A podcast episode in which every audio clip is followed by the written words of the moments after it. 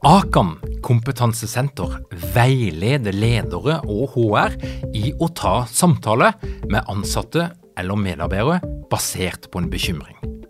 Akan setter ledere og medarbeidere i stand til å forebygge og håndtere en problematisk bruk av alkohol, narkotika, legemidler, spill eller doping blant ansatte. Ønsker du å lære mer om god forebygging og gjennomføring av samtale med en som du er bekymra for? Da kan du nå få tilgang på Akan sitt digitale samtalekurs til spesialpris, kun 760 kroner. Målet med kurset er å gjøre deg tryggere i det som kan være en krevende, men viktig samtale å ta i lederrollen. Du får tilgang til kurset med å gå til samtalekurs.no, samtalekurs.no, og bruke kampanjekoden LEDERPODDEN. Tilbudet gjelder ut april. Dette er en podkast fra Execu. Vi hjelper organisasjoner å utvikle enda bedre ledere og ledergrupper. Lær mer på execu.no.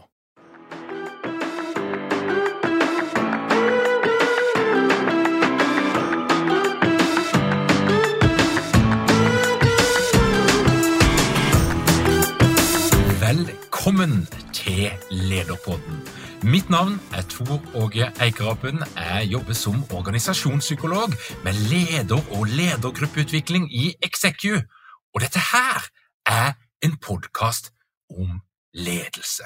I vår evige jakt etter svaret på hva som egentlig er god endringsledelse, er vi nå klare for å presentere nok en modell og nye perspektiver på det å lede endring. Stein Wesenberg han er arbeids- og organisasjonssosiolog med over 25 års erfaring med endringsprosjekter i ulike bransjer, og i dag underviser han i en rekke fag relatert til endring og ledelse på annet Høgskolen Kristiania, NMBU og Universitetet i Oslo. Akkurat nå så er Stein ute med sin rykende ferske bok Praktisk endringsledelse hvordan lykkes med endringsprosesser. Men først skal du få et par ord fra Ellen Holt, tidligere deltaker på lederprogrammet, som i dag jobber som leder i Sveko. Ellen, var det verdt det? Ja, det er skikkelig kult, faktisk. For den følelsen sitter jeg Det er så eh, tydelig for meg at det her angrer jeg ikke én krone på. Så jeg kjørte jo full pakke. Ambisiøs og personlighetstest og alle moduler. Og jeg har hatt så god nytte av det. Jeg jobber jo med mennesker. Eh, masse mennesker. For jeg jobber også parallelt i mange prosjekter og dealer mye med mellommenneskelige ting og tang. Så jeg har fått veldig mye av lederprogrammet i form av konkrete verktøy. Og jeg satte også veldig pris på de breakout roomsene, hvor jeg fikk eh, på en måte kjørt meg litt da, i kleine situasjoner med andre. Hvor man også får For det første så får du brukt den kunnskapen du akkurat har fått tilegna deg, i praksis med andre, og så får du tilbakemelding med en gang. Litt sånn Kan kanskje ordlegge deg annerledes, eller eh, hvordan, hva tenker du om hvordan mottakeren tok dette? det har vært så gull, for du har fått trent deg. Jeg har også tatt fram liksom kleine situasjoner som jeg ikke har villet snakke om. Og så har jeg tatt det da i breakout rooms og i læringsgruppe. Så jeg har virkelig lært uh, mye om det. Og for min del så handla det jo også om å få en litt uh, kunnskapsgrunnvoll for ledelsesfaget.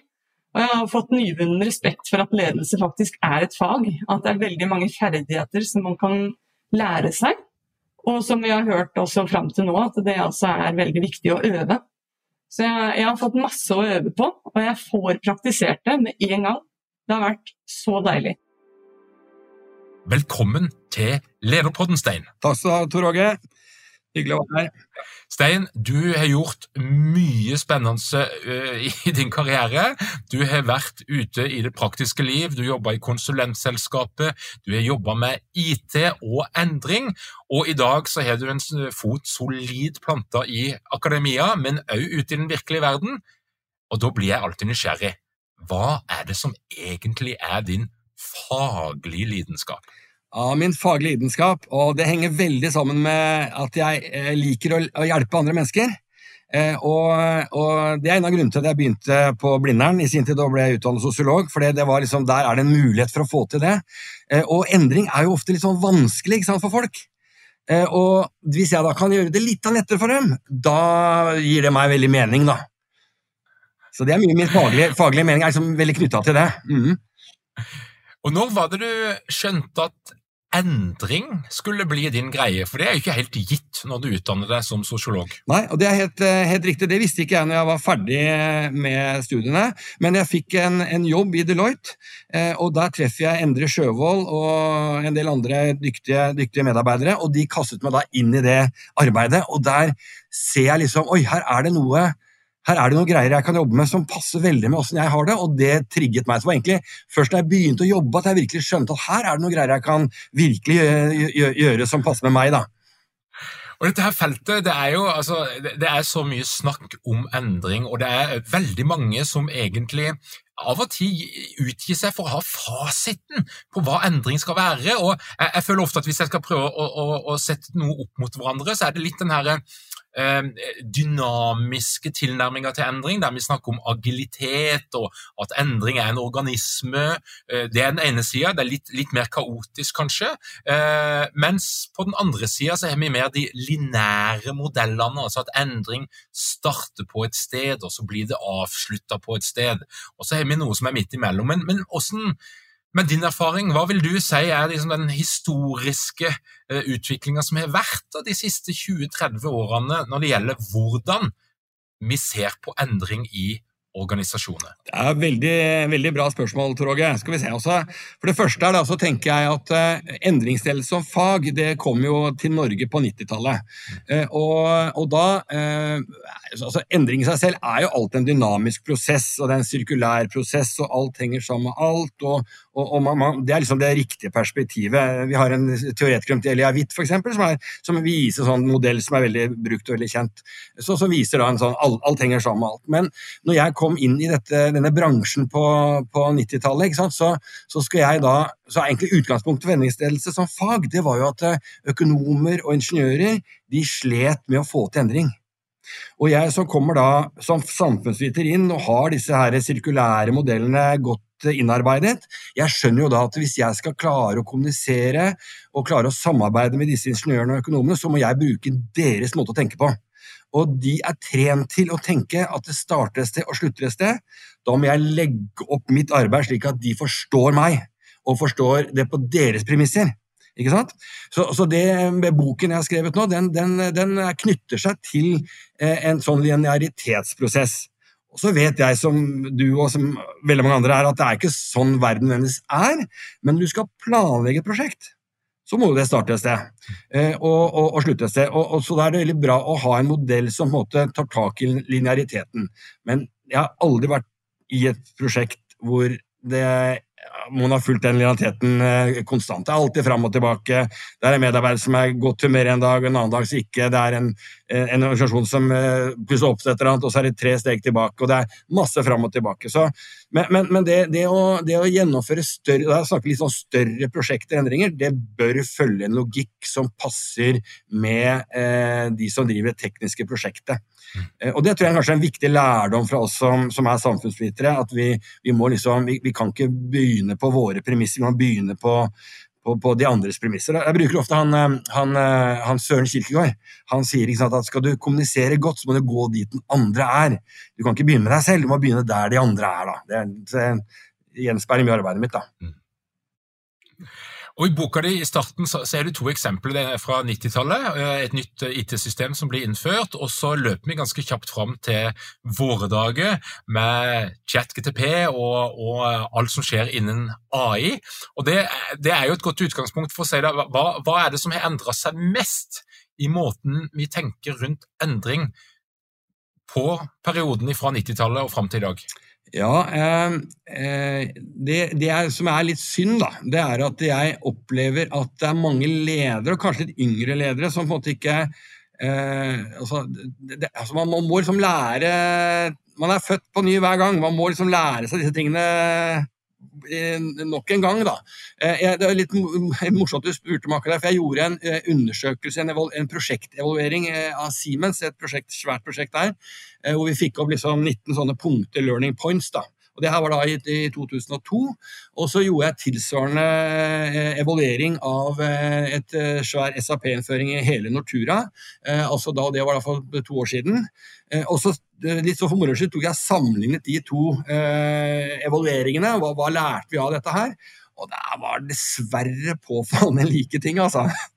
Så jeg, så jeg, sorry, det var, det var ikke sånn. Jeg, jeg føler ikke vi har blitt så veldig mye bedre, da. Så tidene endrer seg, men folk er like.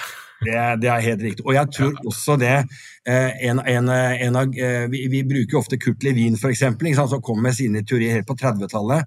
Og det kan nok være at det er noen grunnleggende menneskelige her da, som, som, er der, selv om, vi, selv om det er uh, ulike ting vi endrer oss på, uh, og skal gjennom. Da. Så ja, Men, men det, er jo, det, er jo, nå i dag så er det jo mye større eh, generell usikkerhet rundt eh, AI-problematikken. Og, og, jeg tror nok at det å skape en endringskultur hvor liksom man går inn og prøver å tenke at nå må vi, vi må liksom møte nye på en positiv måte, vi har liksom ikke noe valg, det tror jeg kanskje er, er lurt. da. Mm. Det, Nicolai Tangen var jo ute nå, begynner å bli en stund siden, men, men vi, vi, glemmer aldri det sitatet. Eh, og det, det, var jo noe sånn som at endringsledelse er kørka. Eh, og det han mente var at eh, i en verden som endrer seg så fort som, som, verden gjør i dag, det er en klisjé som kommer til å repetere ofte, men det er sant, så er all ledelse endringsledelse. Mm. Det er ikke noe poeng å gjøre eh, et, et, nummer ut av at noe skal kalles for endringsledelse, for, for, det er det ledere driver på med hver dag, uansett. Mm. Hva tenker du? Nei, jeg, jeg mener han har helt rett. Eh, og jeg, Det var veldig morsomt du sa det, for jeg hadde tenkt eh, kanskje å bruke noe av sitatene hans i starten av innledningen, men jeg valgte å ikke gjøre det. Eh, men eh, poenget her er jo at eh, i dag så er ledelse eh, veldig sjelden driftsledelse, som er på en måte en sånn hvor du bare drifter det som du allerede har. Men det er ingen som driver bare driftsledelse heller. De driver hele tiden og utvikler eh, linja si, eh, nye ting som kommer inn, nye produkter osv. Det er alltid nye ting, og da er det alltid, må alltid ha et endringsfokus. Eh, men endringsledelse som begrep det har jo på en måte blitt litt sånn slitt. da. Fordi når det begrepet kom på 90-tallet, så dreide det seg primært om endringer i større prosjekter, eh, typisk IT-prosjekter, store omorganiseringer, hvor man da har et endringsteam. Og da er det ikke lederne som, med, eh, som, er, som, som utøver endringsledelse, det er et endringsledelsesteam som gjør. Og når jeg da eksempel, når jeg var i, i Nortura nå, da, så sitter jeg med nesten 20 stykker til sammen. Eh, og så får vi ledelsen til å gjøre visse ting i visse sekvenser, og så får vi andre uformelle ledere andre grupper, eh, referansegrupper, til å gjøre masse aktiviteter. Eh, eh, og det er det som er endringsledelse. På, på engelsk så har vi eh, het jo tidligere Change eh, Leadership, og ble det Change Management, og i dag så kaller man det OCM, Organizational Change Management. Så hvis du drar til et prosjekt i Frankrike og England, så, så er det det begrepet de bruker, og da er det mye mer Så de har gått litt vekk fra endringsledelsesbegrepet nettopp for å differensiere seg fra denne ja, begreper som har, som har, blitt konvensjonelle. Da. De mister jo på en måte innholdet sitt, og det er vel det egentlig eh, Anders Tangen mener. At er, All ledelse er, dreier seg om endring. Driver du og ledelse uten å tenke på endring, så da bommer du. Det er, det, det er statisk ledelse. Det, så, så, men, men, det jeg tror kanskje han på en måte ikke har differensiert på, er eh, store initiativer hvor du skal ha flere tusen ansatte gjennom et eller annet. Da er du nødt til å lage et program, et team som jobber med kommunikasjon, opplæring, håndtere motstand på en strukturert måte, og, og da trenger du en metode. Og den metoden er jo den jeg eh, og Det finnes mange av dem, men jeg har da en sånn type metode i den boken jeg har skrevet. da. Mm. Og da, da har du sagt noe om målgruppa her. Eh, det du eh, altså beskriver her, det er en metode for store endringer i store organisasjoner. Det kan være f.eks. en sammenslåing av store kommuner.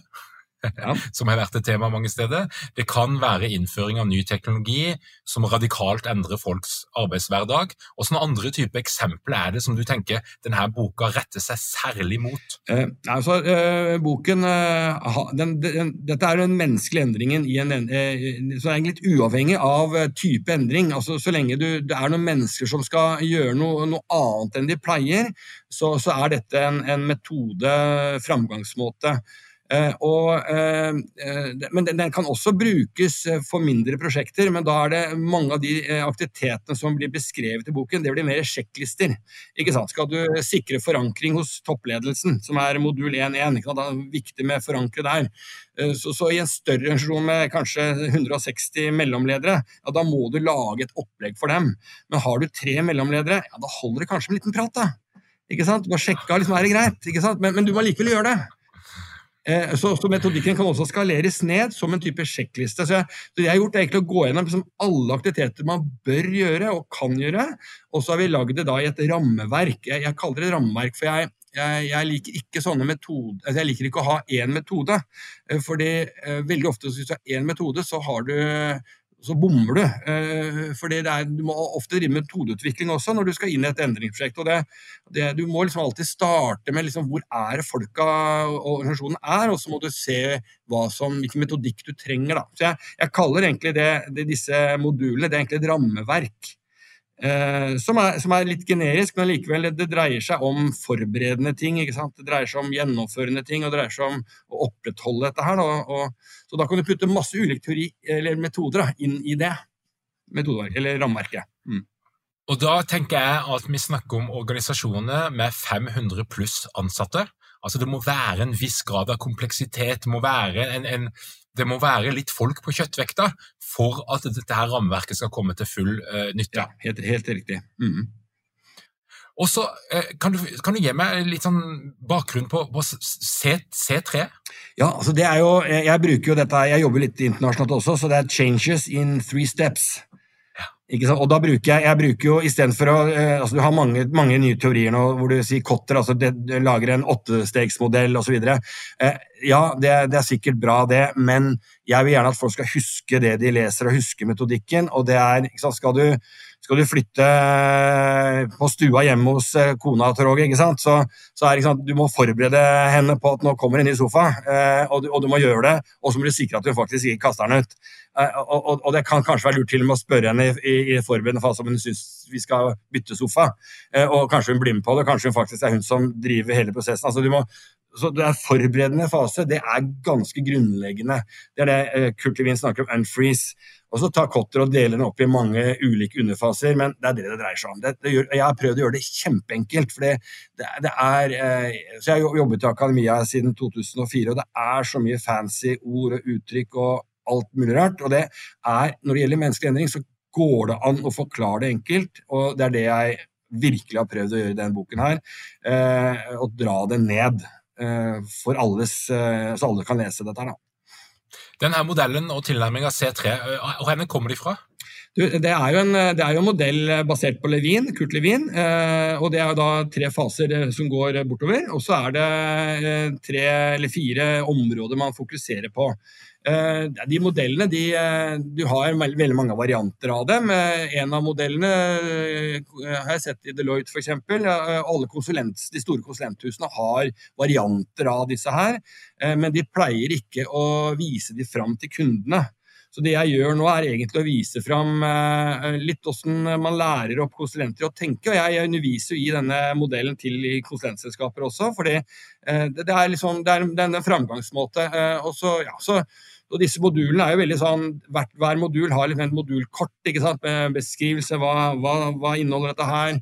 Hva er leveransene? Hva får du? Altså Veldig sånn konkret, slik at en økonom når han leser, tenker oi, gjør jeg det, så får jeg det. Gjør jeg det? Så, så det er veldig sånn tilegnet den måten de tenker på, da.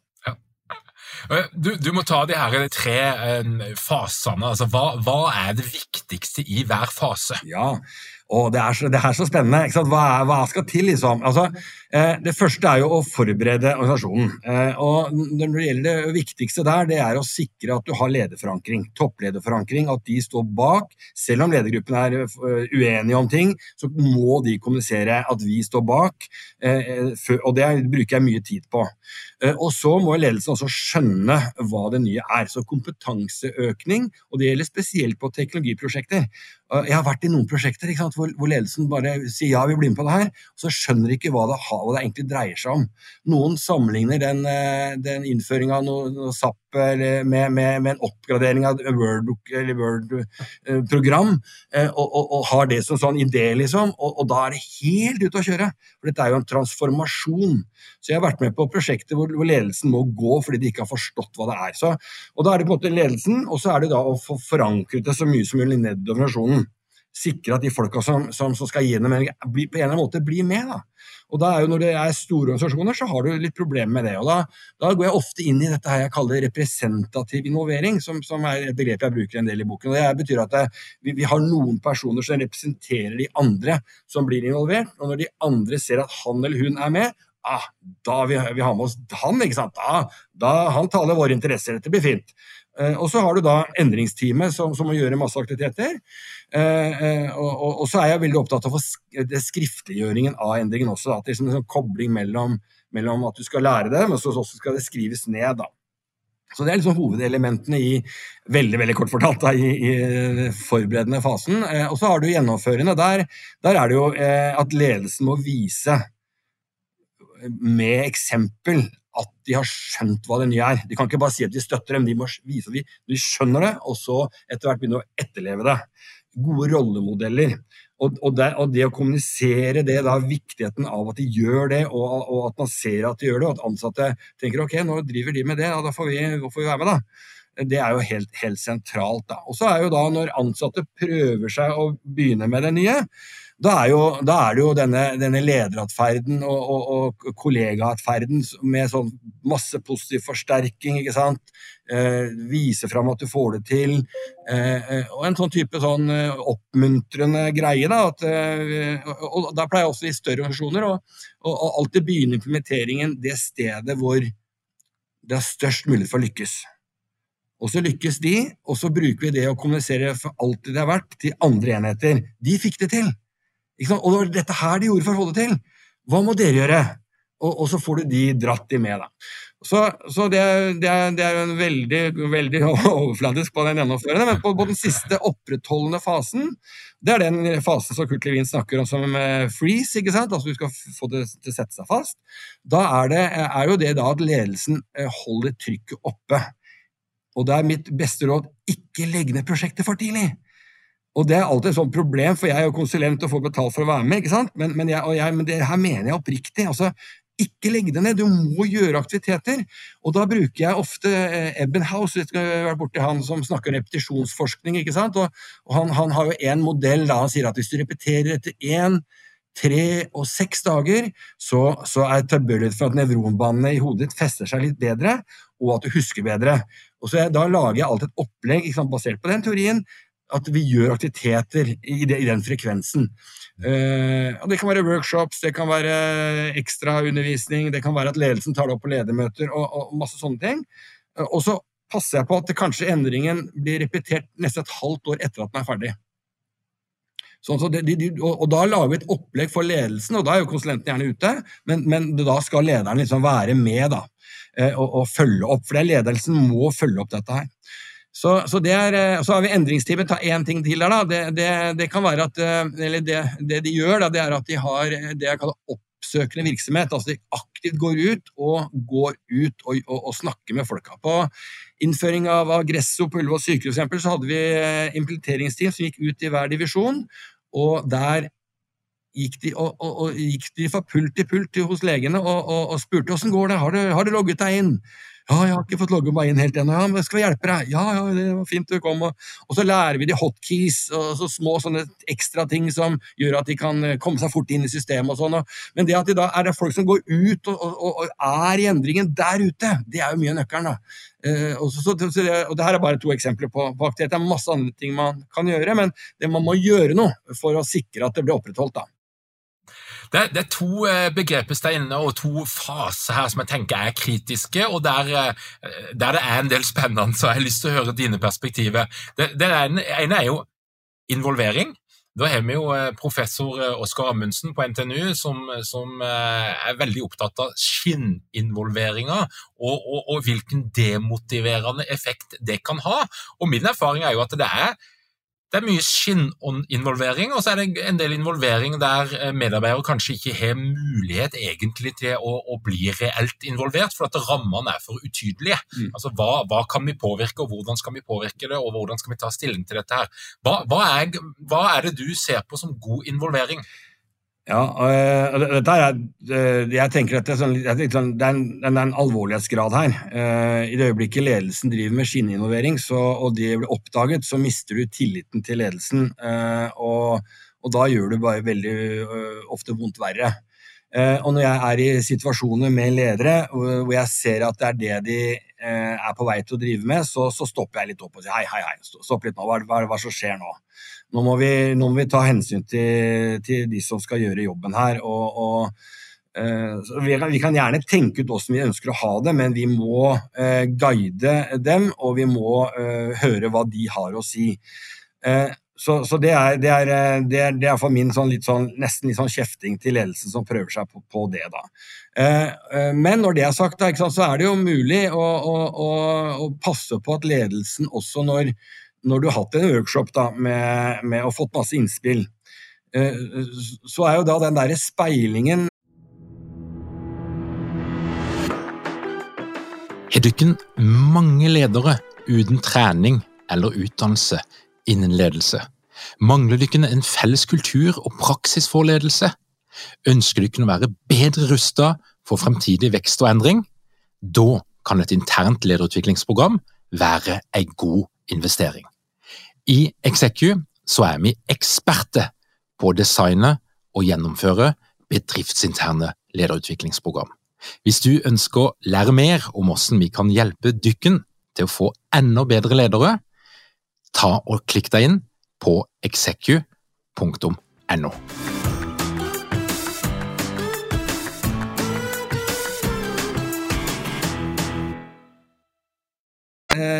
Eh, uka etterpå, hvor du liksom viser hva, du, hva, hva, vi sannsynligvis kommer til å gå for. Hvor du da skryter av Kåre som kom med den ideen, eller, eller, eller Henrik eller, eller Tine, Tina som, som, kom med den ideen. Det, det var ideen til Tina. Den, vi, den tror vi skal gå videre med. Og da føler de at ja, jeg har vært med å bidra, jeg. Og det er, så, det er så lett tilgjengelig, motiverende aktivitet. da. Uh, og det gjør at folk føler at de, de, blir med, og det er jo helt topp reelt, det også. Men der kan jo også ledere være litt uh, smarte, hvor de uh, har tenkt ut sine tanker. men så, så på sånt workshop så stiller de spørsmålene. Og når da Tina kommer med ja, hva hvis vi gjør sånn, da, så kan det være at han eller hun som leder har allerede tenkt det, men så gir du heller kred til henne. Ja, det var en god idé. Mm. Det, det, vi, det skriver vi, og så ser vi åssen vi Så det går an å være litt sånn street smart også her, da. Men eh, også har du et problem når organisasjonen blir for stor, så kan du ikke innovere alle. Eh, og så er det litt sånn, Da må man snakke om det og kommunisere det. at vi har, Beklager, men vi, vi er 500 stykker i denne divisjonen her. Nå har vi, tatt ut, eh, vi har tatt ut ti stykker som skal representere dere. Vi, vi, gjør hva vi kan, å, men de liksom, det de kommer med, det er, det vi, måte, det er de innspillene vi klarer. og Det er det, det jeg kaller representativ involvering. Eh, og, og, og det, det, det, pleier å funke. Eh, og så pleier jeg også, når vi er i den prosessen her, å kommunisere ut i nyhetsbrev eller lage noen videosnutter til hele organisasjonen at nå har vi Fredrik, Kåre, Hans og bla, bla, som representerer dere til å komme med gode innspill, eh, og, og, og, slik at de, folk ser hvordan vi jobber. da, mhm. Slik at det blir en god eh, opplevelse av en god prosess. da. Uh, vi, vi, gjorde det, et eksempel uh, I Nortura oppe i Rudshøgda så gjorde vi det i stor grad. Og, og, der oppe avsatte de masse gode ressurser på det slakteriet på Rudshøgda. Og, og, det fungerte kjempebra der oppe. Hvor, hvor å, ha med han, ja, det, å, det er bra, han er jo så flink. ikke sant? Og det, han, han er flinkere enn meg, og da, da, blir, da blir, dette her supert. Så, så det, det, er mulig å gjøre teknikker her, da, og, og de teknikkene er jo lett tilgjengelige. Men man må liksom bare være klar over dem. Da. og Det, det er de, mange av de involveringsteknikkene jeg prøver å skrive ned. for det, det, det, Hvis du leser om involvering, da, så er det jo ofte at eh, ja, så fint, det er viktig med involvering, men, men hva gjør jeg for noe? Mm. Hva skal jeg gjøre for noe prosjekt? Jeg vet ikke. Og det er, det, det er der den broen fra teori til praksis er den jeg prøver å, prøver å dra den, lage broen helt ned til praksisfeltet. da. Mm. Og det er, jo, det er, jo, et godt poeng, for jeg, jeg, opplever jo at det er en del de kjører store workshops og, og, all hands, og alle skal være med. Det er massevis av lapper på veggen, men du ser ingenting til de lappene etterpå. Det er ingen spor i den videre prosessen av den involveringa, og, og, da sitter du igjen med et inntrykk at dette her var bare for å late som at ja. vi involverte. Og, og der, sant, Når du da presenterer dette her, sant, det er da jeg sier nå må du huske hvem som har sagt hva, og så name-dropper du i den presentasjonen. Her, den, og så går du gjennom de prosessarket, da, så sier de at der sa du noe, der sa du noe, der kom du med det. Og, og da, da, speiler du sant, hva de har sagt, og sitter folk der ja, nå har jeg vært med på det. Litt sånn, Kanskje litt stolt, kanskje, eller et eller annet. Du, du går jo glipp av den store muligheten der, da. Mm. Det er jo en eh, gammel myte som stender ofte i introduksjonen til mange bøker om endring, og det er jo at 70% av alle store endringsforsøk de mislykkes. Det er jo et litt sånn unyansert og veldig generalisert uh, utsagn, men, men uh, samtidig så er det vel noe med at det, alle former for endring er jo et usikkert eksperiment. Altså, du, det, ligger jo i, i, i, sakens natur. Du skal prøve noe nytt som ikke du har gjort før.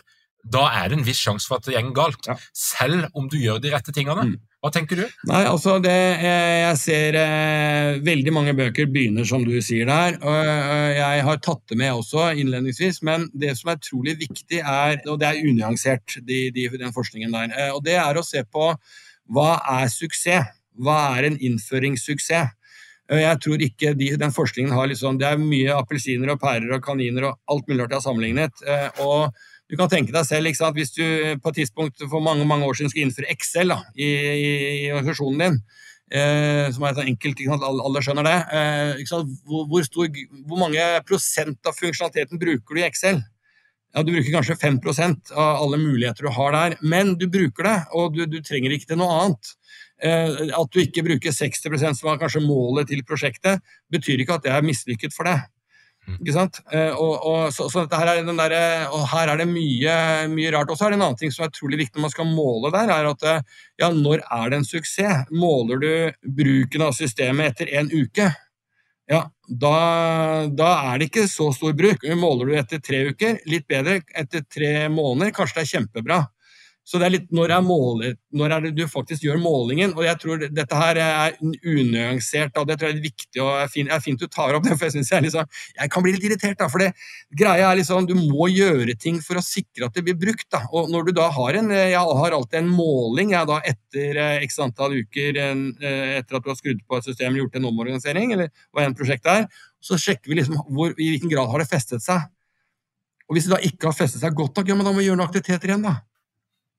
Ikke sant? Og da, altså, Vi tar en hensyn til at det, ja, vi vet om, at, vet om, forskningen, vi vet at det ikke alltid fester seg. Ja, men da må vi gjøre noe. Vi, vi kan ikke bare sitte der og litt som ikke gjør noe. Og, så, så det, det, er en viktig del av metodikken da, i, i opprettholdende fasen. At du måler, sjekker, og så igangsetter du nye aktiviteter. Mm. Og så vet vi jo da at allikevel så gjenger det av og til veldig galt. Ja. Og når vi snakker om organisasjoner på den størrelsen som du henvender deg til, altså mer enn 500 ansatte, så kan det bli ekstremt dyrt, og du kan miste veldig mange gode folk eh, sin motivasjon på, på veien. Og, men Stein, hva er, hva er, det som pleier å gå galt? For du, Det er jo en grunn til at du skrev denne boka. Hvis alle gjorde ting etter boka, så hadde det ikke vært noe vits. Men, men hva, hva, hva, er det som går galt? Ja, øh Nei, ja, eh, hvis, ja, skal, vi ta, skal, vi ta, noen eksempler? Eh, vi, kan, vi ikke, kan, vi ikke, se på mm, Midt-Norge sitt, eh, sitt, implementering av nytt IT-system? Ikke sant? Tenk deg selv, Jeg har vært med på en del sånne store implementeringer av, av tilsvarende systemer.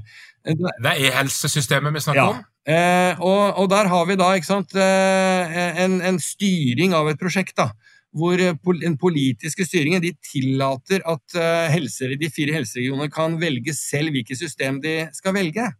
Du kan tenke deg Hvis du har ett system, som dette nye systemet er kjøpt, da, det skal oppdateres hele tiden, og det skal koble seg til andre underliggende systemer. Tenk deg den driftskostnaden du har når 40-50 andre underliggende skal opp, oppgraderes. Da må du gjøre det i DIPS, og så må du gjøre det i dette nye systemet også. Det er en kjempekostnad. Også ikke minst bare... Bare folkens, eh, Til alle som ikke jobber på sykehus, DIPS det er altså journalsystemet som veldig mange norske sykehus og kommuner bruker.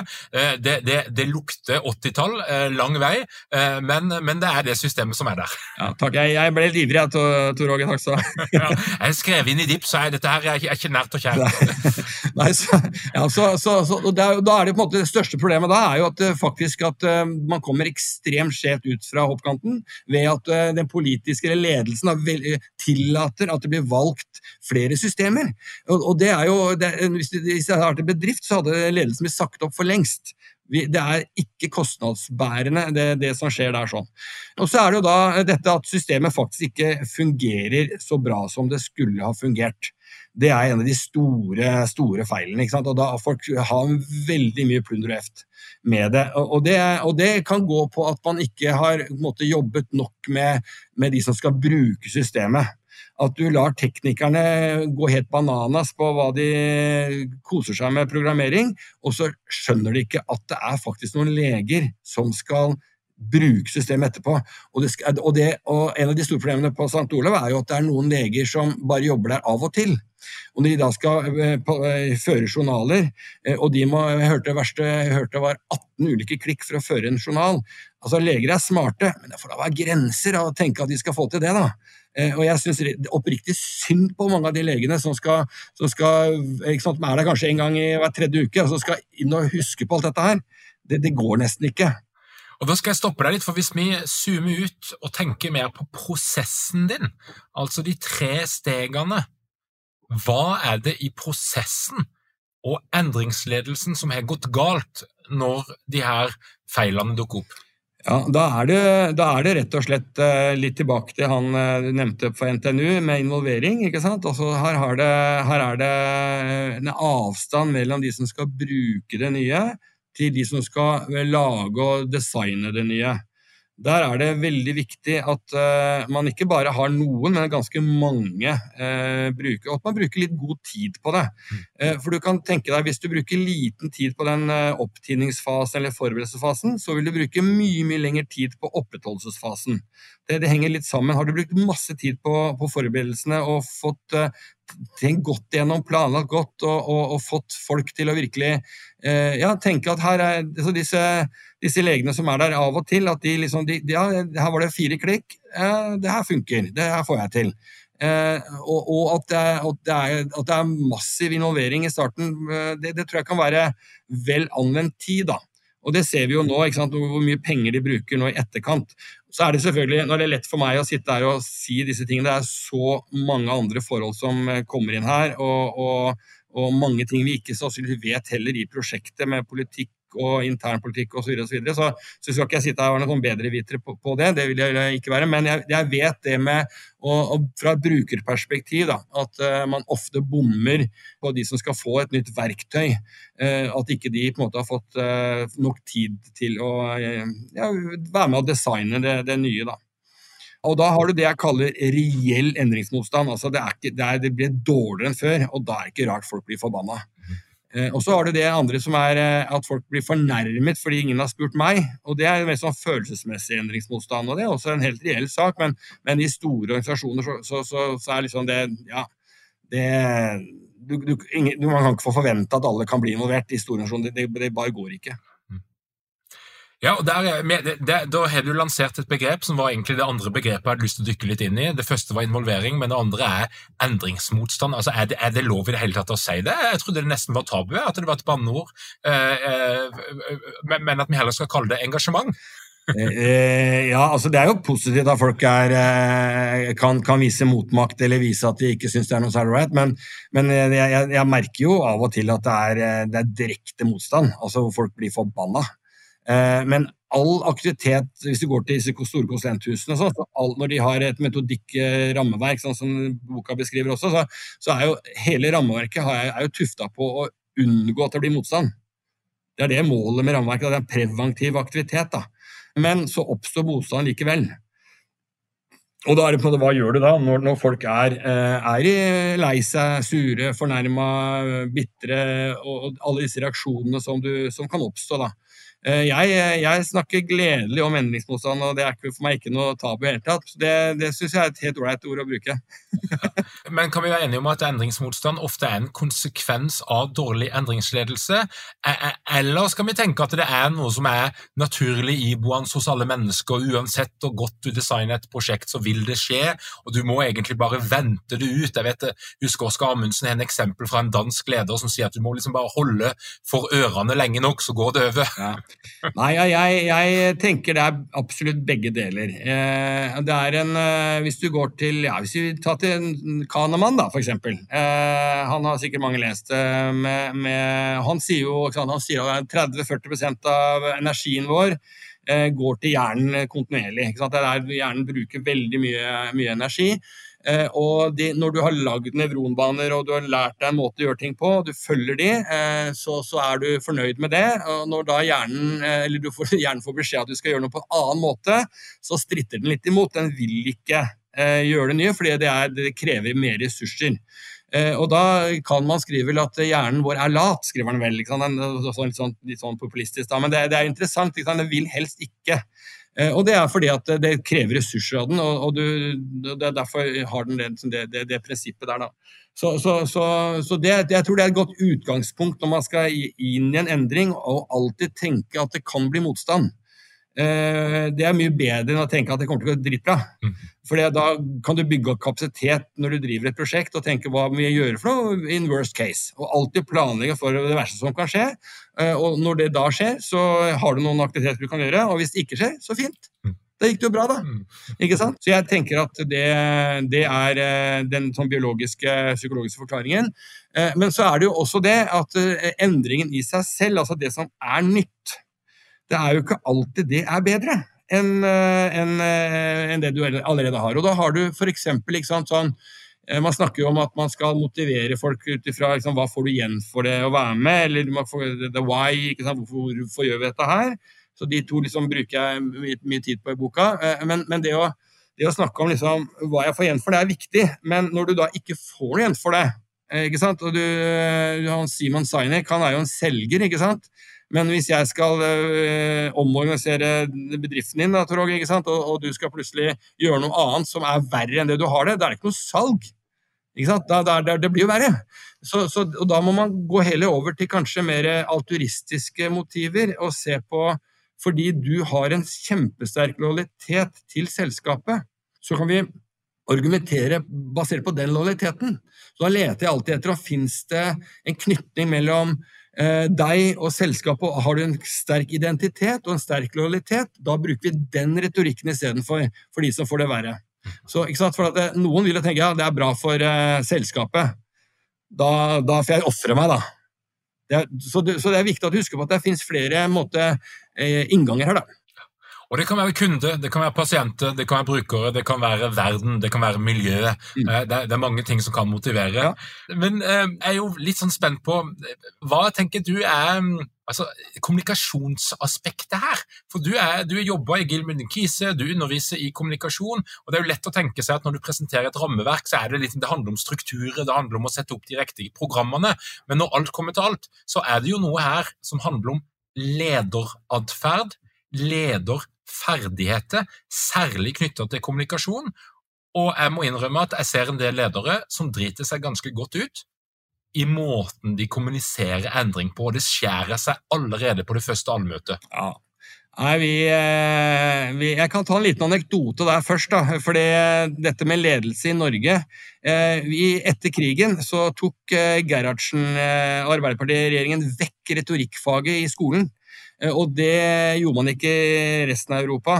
Og det er en av grunnene til at vi har mange ledere i dag som er alderen 50-60-70 år, som ikke har, har, de har ikke det i grunnrefleksen sin, det å presentere. De yngre i dag de har det, for nå har prestasjonsteknikk kommet tilbake. Drar du til USA, så, så du mener hva du vil om hva amerikanere sier, men døtter du en mikrofon i fjeset deres, så er de flinke til å kommunisere. De har hatt retorikk hele tiden fra de var knøttsmå. Så, så det, det, er en, det, det, er det ene, da. Og det er en av grunnene til at kommunikasjonsbransjen i Norge er stor. Fordi at det er så mange ledere som sliter med å kommunisere. Da. Det var en liten anekdote der. Så eh, ledere, eh, jeg, Når jeg går inn i en organisasjon, så leter jeg etter hvem er det som er gode til å kommunisere. Det er ikke sikkert det er topplederen. Og så får jeg vedkommende med og så er det ofte at det er mye kommunikasjonstrening også. Men det er så viktig å formidle det, eh, ikke bare det du skal si, men formen. Ikke? At, at du sier det på en måte som virker engasjerende, entusiastisk, og, at du, du, drar mer av folk, og de, de, får lyst til å være med fordi det blir kommunisert på en måte som, som også er bra. Da. Så kommunikasjonen skal jo virke for endringene, ikke mot. Ikke det, jeg, jeg, har vært med mange eksempler sånn som du sier, hvor, hvor ledere har, de, de har fått liksom det fine manuset, de har fått de flotte virkemidlene, men formen gjør at folk bare tror ikke på dem. ikke sant? Og Jeg sitter jo bak der ikke sant, og river meg håret. ikke sant? Du ser jeg, har ikke så mye hår her. og Det er, det er en grunn til det. Jeg blir sånn, Nei, du må, du må, ikke si det sånn! Du må jo være litt frampå! Og det er liksom litt trist, da.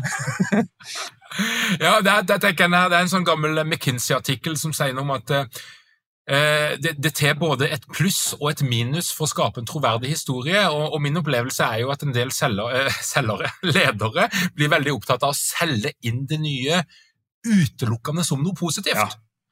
Uh, og Hvis de isteden hadde klart å balansere det med den negative konsekvensen som endringa faktisk vil ha for en del av medarbeiderne eller andre, mm. så hadde de på en måte uh, forebygga vanvittig vanvittig mye motstand og irritasjon og negative følelser hvis du hadde vært helt ærlig fra starten av og sagt at dette vil bli noe dritt for noen av dere, mm. og det kommer til å bli et helsikes opplegg det første halve året før dette her systemet setter seg, mm. eh, eller nå hva det måtte være for noe. Men isteden så blir det en sånn halleluja-greie der alt skal være positivt, og de som måtte finne på å si noe negativt om det, de skal få en lapp i trynet sitt, og der stemmer det endringsmotstander. ja, det, vi, vi, er så på nettet her, Tor Åge. Eh, når jeg er ute og coacher ledere, så, så bruker jeg ofte sånn metafor. Jeg tar opp et svært bilde av en, eh, en kjempestorm. Ikke sant? Eh, og så det, dekker det liksom en tre ganger fire meter vegg. Det er en drit... Du ser ikke sant? her er en storm. Så sier jeg dere, vi skal gjennom dette her. Det er det vi skal. Bare forberede på det. Og så bruker jeg masse tid på vi skal gjennom det. Hva skal til for å komme seg gjennom det her, da? Hva må du gjøre? Ikke sant, Bruker tid på det. Så, så ja, enig, ja, vi må kanskje forberede oss litt, da. Ja, det må vi! Masse, faktisk! Og, vi, og, vi må, vi må, og, så, og så, begynner, vi, begynner vi der. Og det kommer til å bli vanskelig. Og alle er enige om det, og så blir, får du litt sånn der Ja, men vi skal jo få det til, skal vi ikke det? Ja, vi skal få det til. Så får du en sånn der, litt sånn entusiastisk greie rundt det vanskelige. For folk, det er, det er, Jeg tror også at det, det, er veldig mye kraftig å oppleve at du skal gjennom noen noe gre, vanskelige greier. Og de prosjektene som har vært knalltøffe Når jeg snakker med folk etterpå, da, skryter de av hvor, hvor, tøft det var, og om vi fikk det til, og klapp på skulderen. Altså, det, sånn, det, er litt ålreit. Det er veldig samlende å være med på noe tøft, da. Noe som har vært vanskelig. Så, så, det er noe sånn motivasjonskraft her som uh, Men jeg, jeg, er helt enig med deg. Jeg driver også og later som dette blir kjempeenkelt. Det er, uh, det er bare tullete. Men du må få med de fleste.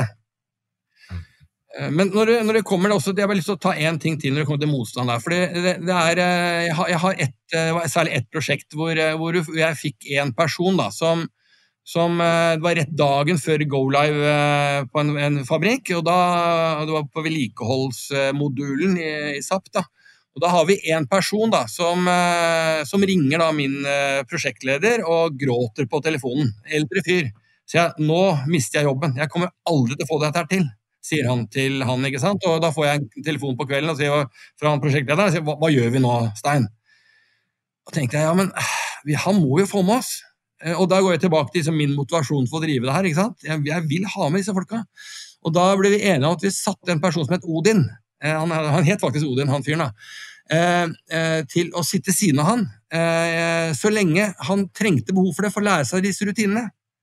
Han var der i sånn nesten to uker, og den personen han Odin var kjempeflink. Steg for steg så lærte han seg det og fikk det til. Og han ble jo da den største forkjemperen for prosjektet. ikke sant? Men det som skjedde da, vet du, det var at de resten av organisasjonen som skulle gjennom dette her i, i årene som gikk, for det var en flereårsprosjekt, de visste at hvis vi ikke får det til, så kommer Odin. Og Odin, han hjelper deg. Og så er det litt fint det er i norsk kultur at han het Odin, for det blir sånn allviteren. Det var liksom en sånn, og det ble så bra retorikk, og det ble sånn at ja, vi har alltid en nødløsning. Selv om du viser motstand, og selv om du har det vanskelig, så vil vi være der for deg. Du er viktig for oss. Og det, det å ha ledere som eh, tar det perspektivet og, og er, er, villige til å bruke litt ekstra ressurser, det er fantastisk, altså. Og da ble jeg, ble, ah, jeg var så Ja, du hører jo på meg, jeg ble veldig Det var en fin greie, altså.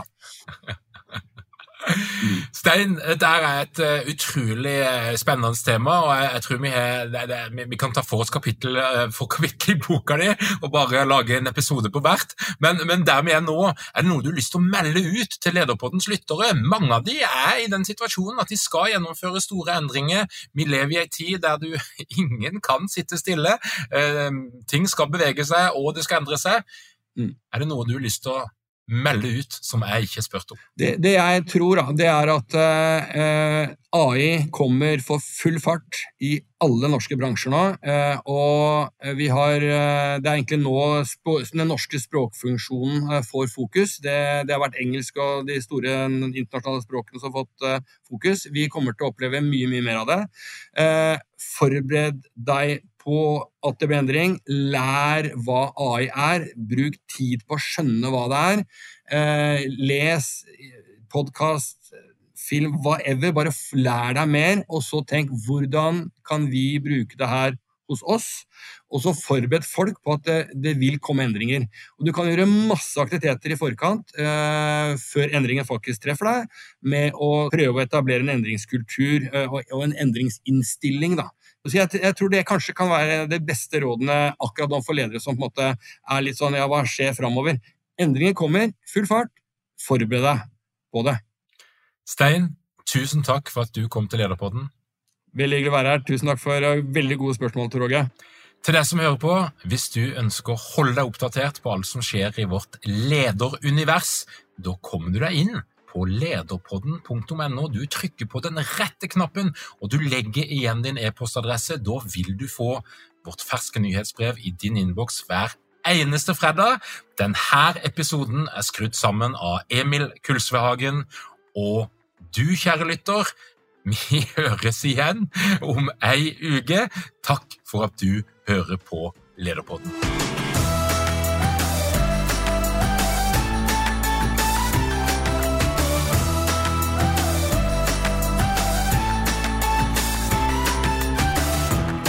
Lederpodden er gitt til deg av Execu.